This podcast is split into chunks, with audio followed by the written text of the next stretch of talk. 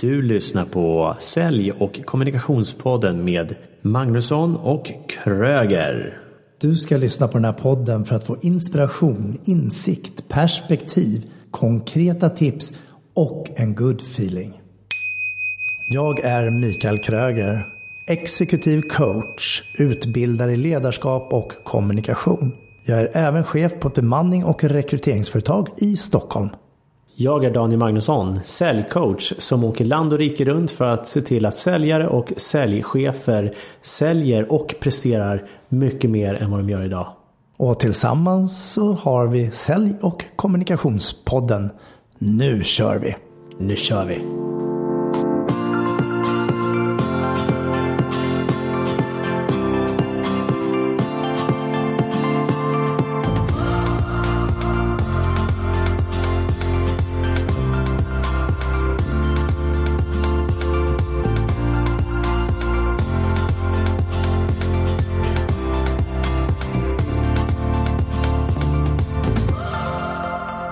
Välkommen till avsnitt 31. Idag ska vi prata om hur det är att vara ny som chef och leda i eller ur kaos. Jag är Mikael Kröger. Och jag är Daniel Magnusson. Och jag börjar med att eh, gratulera dig till din nya tjänst. Du är eh, chef på ett företag. Berätta. Sen första juni så är jag eh, chef som du säger, jag är regionchef på ett företag där jag har ett antal anställda. Och det är en ny roll för mig. Och riktigt spännande och riktigt roligt faktiskt. Om du bara kort ska berätta, vad är det ni gör i företaget då? Vi jobbar med stöd och matchning kallas det. Så våran eh, uppdragsgivare är Arbetsförmedlingen och våra kunder är då den arbetssökande som kommer då från eh, Arbetsförmedlingen och vi hjälper dem att hitta jobb och vi har en tydlig tydlig säljprocess för dem att hitta jobb. Okej. Okay. Och så ny som chef då, då har du x antal personer och organisationer. Hur blir mottagandet när du kommer in där som chef? Ledare kan vi säga också om vi vill men. Just nu skulle jag ju säga att jag är ju en chef. Mitt mål är ju att bli en ledare. Skulle jag säga. Eh, jag går in med den, det målet att leda Däremot för att leda så behöver ju de vilja ledas av mig. Att jag inte bara ska gå in och chefa och bestämma och ta beslut och så vidare.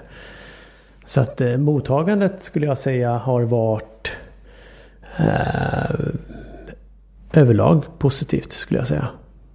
Så vad är det du gör just nu då? Eh, just eftersom du gör skillnad på chef och ledare då. Vad är det du behöver göra nu som chef när du är så pass eh, ja, nytillträdd då i din tjänst? Som nytillträdd så skulle jag säga att det jag behövt göra nu, det är, först och främst så börjar vi med att och, eh, flytta till ett nytt kontor. Så där, där handlar det ju mer om att eh, tillgodose så att det fanns material och beställningar och så vidare. Eh, på hela kontoret. Så det var mycket nyttja mina kontakter. Eh, för att kunna ja, köpa in whiteboards och, och så vidare. Eller första tiden var ju mycket att få en överblick på organisationen, hur den fungerar. Eh, vad är det jag behöver göra? Vad är min roll? Och hur är de andra personerna? Och samtidigt lära känna dem.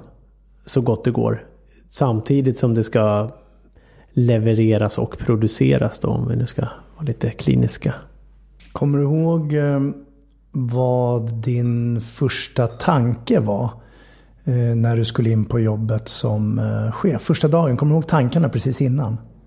Jag skulle säga att de första tankarna, vad var de? Nyfikenhet och jag var spänd också. Nervös. Definitivt nervös. Det, det är alltid nervös tycker jag när, när jag går in i något nytt. För det är ju något okänt oftast. Och eh, hur gjorde du för att nervösa dig? För någonting gjorde du ju. För att göra dig själv nervös i den stunden. Tänk att jag, att jag gick på den. Jag visste att det, jag känner ju dig så du skulle ju ha ställt den frågan. Um, vad gjorde jag för att nervösa mig? Jag skulle säga att jag började nog tänka eh, oftast dåliga scenarium eller eh, orosmoment skulle jag säga. Hur uh, mottagandet skulle vara. Och det är väl det som någonstans kan vara att leda i eller ur kaos som vi pratar om här. Att eh, oron, rädslor, frågetecken. Hur ska jag tas emot? Vad är det som händer? Och så kan det ju bli när vi ja, tillträder nya tjänster som chef men likväl som du kommer in som anställd i organisationen. Eh, vad du nu än ska jobba med så, så infinner sig olika känslor och tankar kring det. Vad gjorde du för att lugna dig sen då? Jag tänkte säga jag var mig själv men då vet jag att jag kommer säga vad innebär det då? Uh, Eh, fast samtidigt så var det var precis det jag var. Jag var mig själv. Jag var glad, jag var trevlig. Jag var inlyssnande också. Jag lyssnade in, och det är jag som person också. Jag, jag lyssnade in och eh, var ju beredd på att det skulle komma allt ifrån åh vad grattis, vad kul till att jag inte fick en, en bekräftelse alls på det. Eh, jag skulle säga att det var ett, ett, bra mottagande från alla. Så vad är din utmaning nu? Du har ju varit där x antal veckor. Ja, min utmaning nu skulle jag säga är att hitta en struktur som funkar utifrån hur jag vill leda organisationen. Och eh, för, jag är ny i min roll. Jag är ny här. Det har inte funnits en, en renodlad regionchef eh, här tidigare. Så här behöver jag ju sätta så att det, det liksom allting funkar. Utifrån vad, hur jag vill ha det och eh, ledningen såklart. Och med personalen. Och hur ska du göra det rent praktiskt? För jag tänker, du är ju ny som chef, men det finns ju andra som är nya i sina roller som chefer eller anställda. Vad, vad, vad tänker du att du behöver göra där? Om du skulle ta det på en generell plan. En tydlighet. Eh, och ett ord som du brukar använda, transparens. Vilket jag tycker är bra. Och eh, information, tydlighet, öppenhet mellan eh, de olika kontoren. Och eh, så att alla vet vad, vad, vad, man gör. Vad gör man inte? Eh, alltså då menar jag mer schem, schemaläggning och hur så att vi kan sprida informationen mellan oss. Och du pratar om tydlighet och transparens. Vad är det för dig och hur kommer det kunna hjälpa din organisation? Och vad kan det innebära för andra med en tydlighet och transparens? Tydlighet för mig det är mera vad, vad, vad som gäller. Vi brukar alltid prata om det med de som kommer till mig. Det är, liksom, ja, men det är det här som förväntas. Det är det här vi ska leverera. Det är det här jag förväntar mig av dig. För sen har ju de sina förväntningar på mig också. Eh, så att på något sätt att det finns en, en tydlighet däremellan. Jag tänker någonstans också hur viktigt det kan vara att sätta upp regler. Eh, men när du gick en UGL-utbildning och då pratade vi om regelverket för hur den går till och vad innehåll var och vad vi inte får säga, vad vi får säga utåt och så vidare. Eh, men det jag blir nyfiken på är, har du tydliga ramar och transparens från din chef då eller från ledningen? För det, ibland är det så här förväntningar. Här, grattis, du är ny chef. Eh, här har du en titel. Förhoppningsvis har du någon lön och, och, mandat och ansvar kring det här då. Men sen kanske då din chef eller ledning tänker, ja men nu, nu är ju det löst. Nu har jag ju satt en chef i organisationen. Jobba. Eller har du ställt motkrav också? Fått din, din ram, din transparens? Nej, det har jag inte gjort. Och eh, utan jag, jag eh, tänker att jag utgår ifrån vad jag anser vara bäst just nu. Och eh, av egna erfarenheter och eh, idéer och tankar runt vad som är bra för organisationen.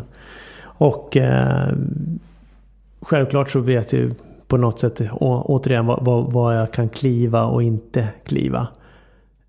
För att vi har ju ändå ett, eh, ett uppdrag som vi ska slutföra och eh, leverera till. Och det är utifrån det som jag utgår ifrån. Vad händer om du skulle kliva snett eller utanför ramen? Och i så fall hur vet du om du har klivit utanför och eller om du är inuti? Ja, det blir jättesvårt. Om, om inte jag har tydliga ramar att gå. Och det är likadant, det är därför det är så viktigt mot eh, både för mig för eh, mina anställda. Ja, oavsett om det, om det gäller mig eller andra. Alla behöver tydligare ramar. Jag såg en föreläsning där en som pratar om det här. Han heter Anders Lundin. Han säger så här. För du behöver ha de här tydliga ramarna. För då kan du säga till. Och du kan också se när någon börjar glida på ramarna. Och börjar komma utanför. Och då får de en chans att komma innanför ramen. Eller så får de lämna. Och ett sätt, och, och jag tänker på det här som du säger med ramglidning. Eh, om du bara tar ett exempel att du sitter ett par vänner och, och sitter och diskuterar till exempel vad vi gjort på semestern eller inte gjort på semestern. Och så är det någon som nämner någonting som är dig varmt om hjärtat. Ja, jag var på till exempel husvagnssemester. Och då var vädret bra. Så sitter du och laddar för det. Och så tar du vid det här med husvagn och så gör du det till din story. Och det är ju typiskt hur vi kan glida på ramarna och hamna i något helt annat ämne. Till slut berättar du om din resa i Grekland. Fast vi började med en husvagn. Det här är också väldigt vanligt i företag. Att vi börjar resonera, vi kanske ska ha budgetmål eller samtal om hur vi ska vara effektiva i våra möten, vad det nu kan vara. Och helt plötsligt någon som har knyckt, hijackat, kapat din tankestory och så börjar glida utanför lite grann på ramen. Hur viktigt det är att också ta tillbaks det. Och jag tänker om du nu har otydliga ramar. Hur vet du att du är tydlig till dina medarbetare? När jag inte får frågor. Tänker jag. När jag inte får eh, återkoppling med en massa med frågor. Från eh, de anställda. Där de eh, bara ah, okej, okay, kanon. Utan då, då har min kommunikation varit så pass tydlig. Eh, så att de på något sätt inte behöver återkoppla. Hur vet du det?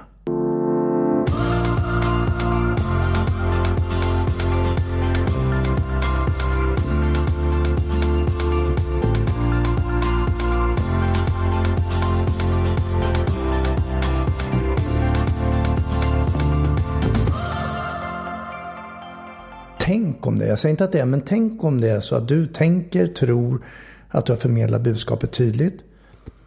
Ingen eh, ställer en fråga, ingen kommer med något påstående. Du antar att de har förstått och gör det som du har sagt.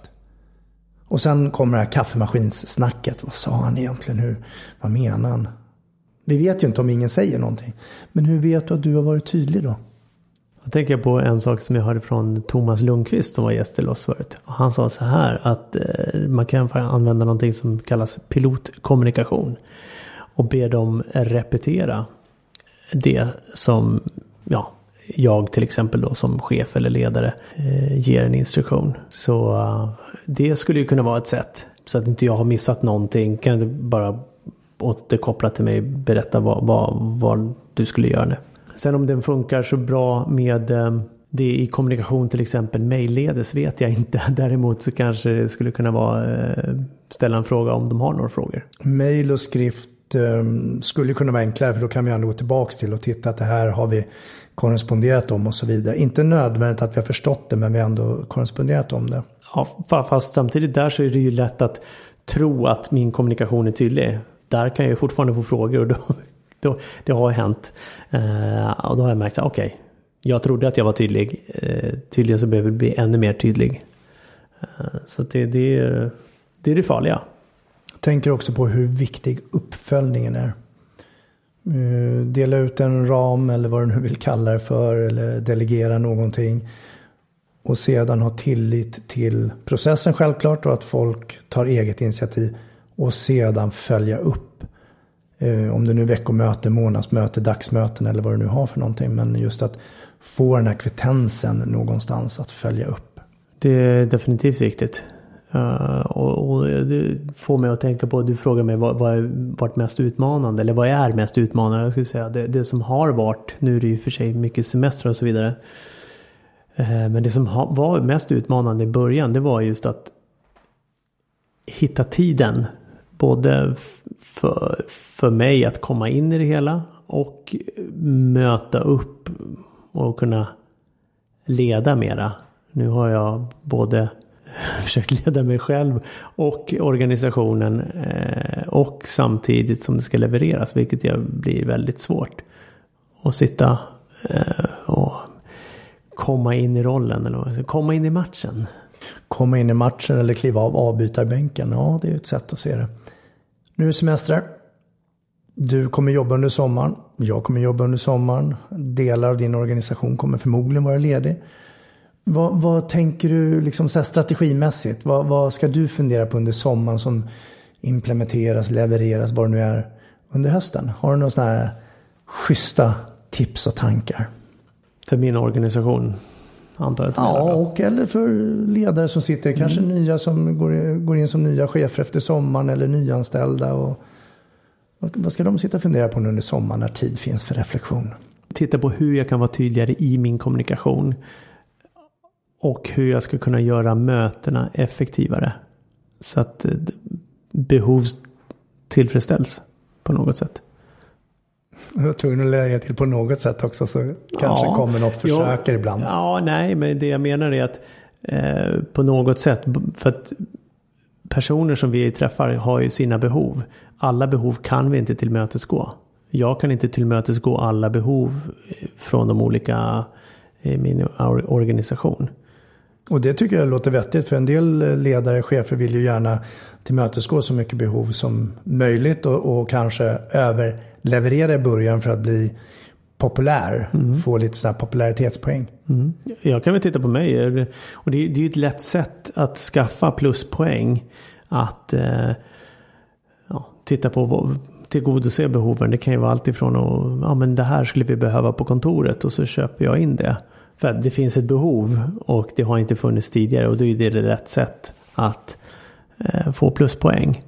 Eh, sen får inte det där gå överstyr heller. Att man, det är ju som ett barn mot en förälder. Jag säger inte att mina anställda är som barn. Men att, att barn börjar testa gränserna frågar man om godis och sen så får de inte godis före maten. Men om jag lovar att äta mat, får jag på godis efter maten och så vidare. Och så tänds gränserna och till slut så har det någon som bara säger ja till allting. Uh, och, och det är det jag menar med att tillgodose behoven så gott som möjligt. Uh, för det är inte alla behov som kommer tillgodoses.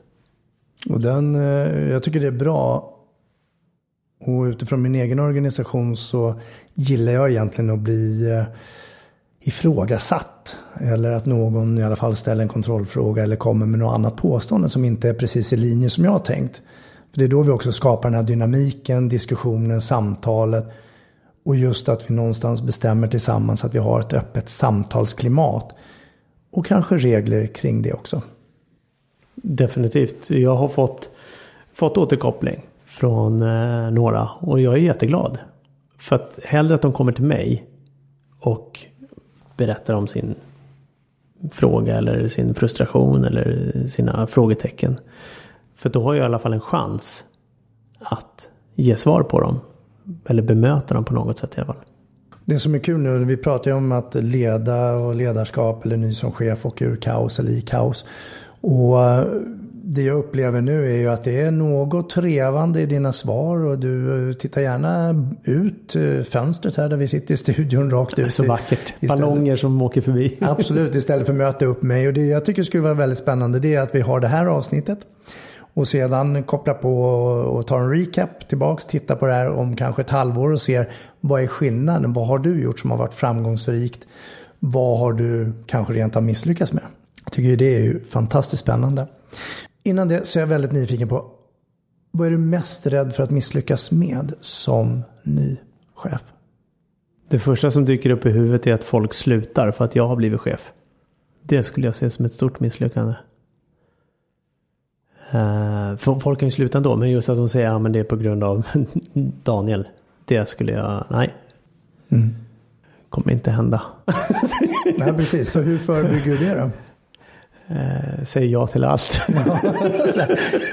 Tänk dig en chef som säger ja till allt. Nej, fy fan. Anpassa sig eller undviker konflikter. Otydlig, inga ramar. Eh, folk kommer att sluta Jaha, på grund av det i så fall. garanterat. Eh, så hur undviker jag det? Ja, det är väl tillbaka till det, det jag nämnde tidigare. Tydlighet, tydliga ramar. Eh, riktlinjer. Folk vet vad som förväntas. Vad är förväntan på dem?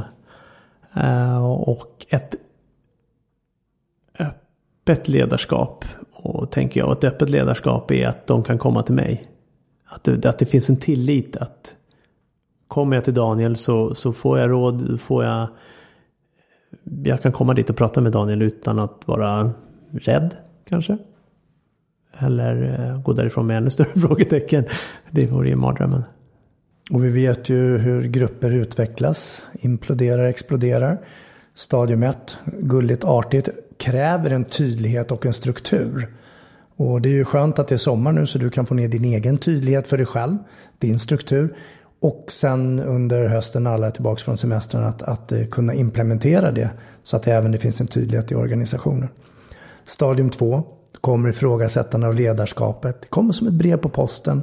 Det blir lite konflikter och lite smågnäll. Och, och den tiden beror ju på hur många du har i organisationen då.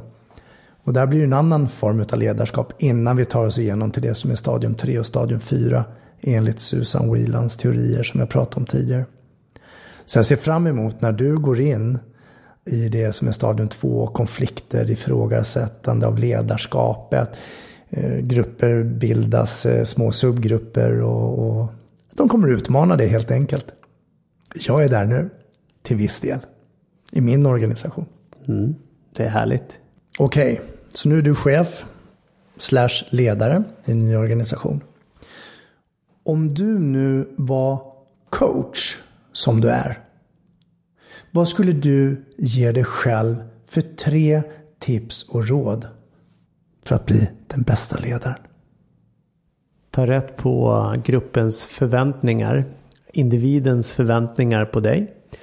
Tydliggör dina förväntningar på individerna och gruppen. Tydliggör ramar. Och förespråka en eh, transparens och att du finns där för dem. Så det är Daniel, förlåt, det är coach Daniels tips till chef Daniel. Och ett tips från coach Mikael, det vill säga från mig. Implementera feedback så snabbt som möjligt i organisationen. Och det kan vara en del av det som du säger, transparens och tillit. Men att träna feedback. Så hur ska jag träna feedback då? Skulle du säga? Jag har ju mina idéer. Jag skulle jättegärna vilja höra dina. Släng upp eh, teorin kring feedback, feedbacktrappan. Mm. Och sedan öva på att ge feedback. Med hjälp av lappar och eller bara muntligt. Börja med de enkla delarna. Jag uppskattar hos dig att du gör det här bra, bla bla bla. Träna på att bli specifika, specifika. För sen den dagen det kommer en konflikt där du måste hantera med feedback utifrån en känsla, då kan du det. Blir det första övningen på vårt första gruppmöte i höst. Så nu vet ni om det, om ni lyssnar. Och jag hade möte eh, här för ett tag sedan och eh, då pratade vi om eh, på, på veckomöten då, då pratade vi om vad som vi gör som är bra. Så vi staplade upp allt som vi gjorde var bra. Och sammanfattningsvis så slutade det med att vi hade en stolthet över det vi gjorde. Sedan la jag upp det vad vi kan förbättra och då körde vi bara rubriker på vad vi ska förbättra. Och på sidan om, när vi hade tagit alla rubriker, då skrev jag bara upp hur förbättrar vi. Så då tog vi varje punkt och la en actionplan kring det. Och hur långt tog ett sånt möte ungefär? Den här gången tog det nästan två timmar. Mm. Vi avsatte mer tid för just i det här tillfället. För huret? Så det. Ja, ja, det behövdes för huret. Ja, det är bra. Som alltid är det bra att lyssna på Sälj och kommunikationspodden med Magnusson och Kröger. Och med det sagt, passa på och njut. Reflektera. Förhoppningsvis så mår du bra där du är just nu. Visa kärlek och respekt. Var rädda om varandra. Trevlig helg. Trevlig helg.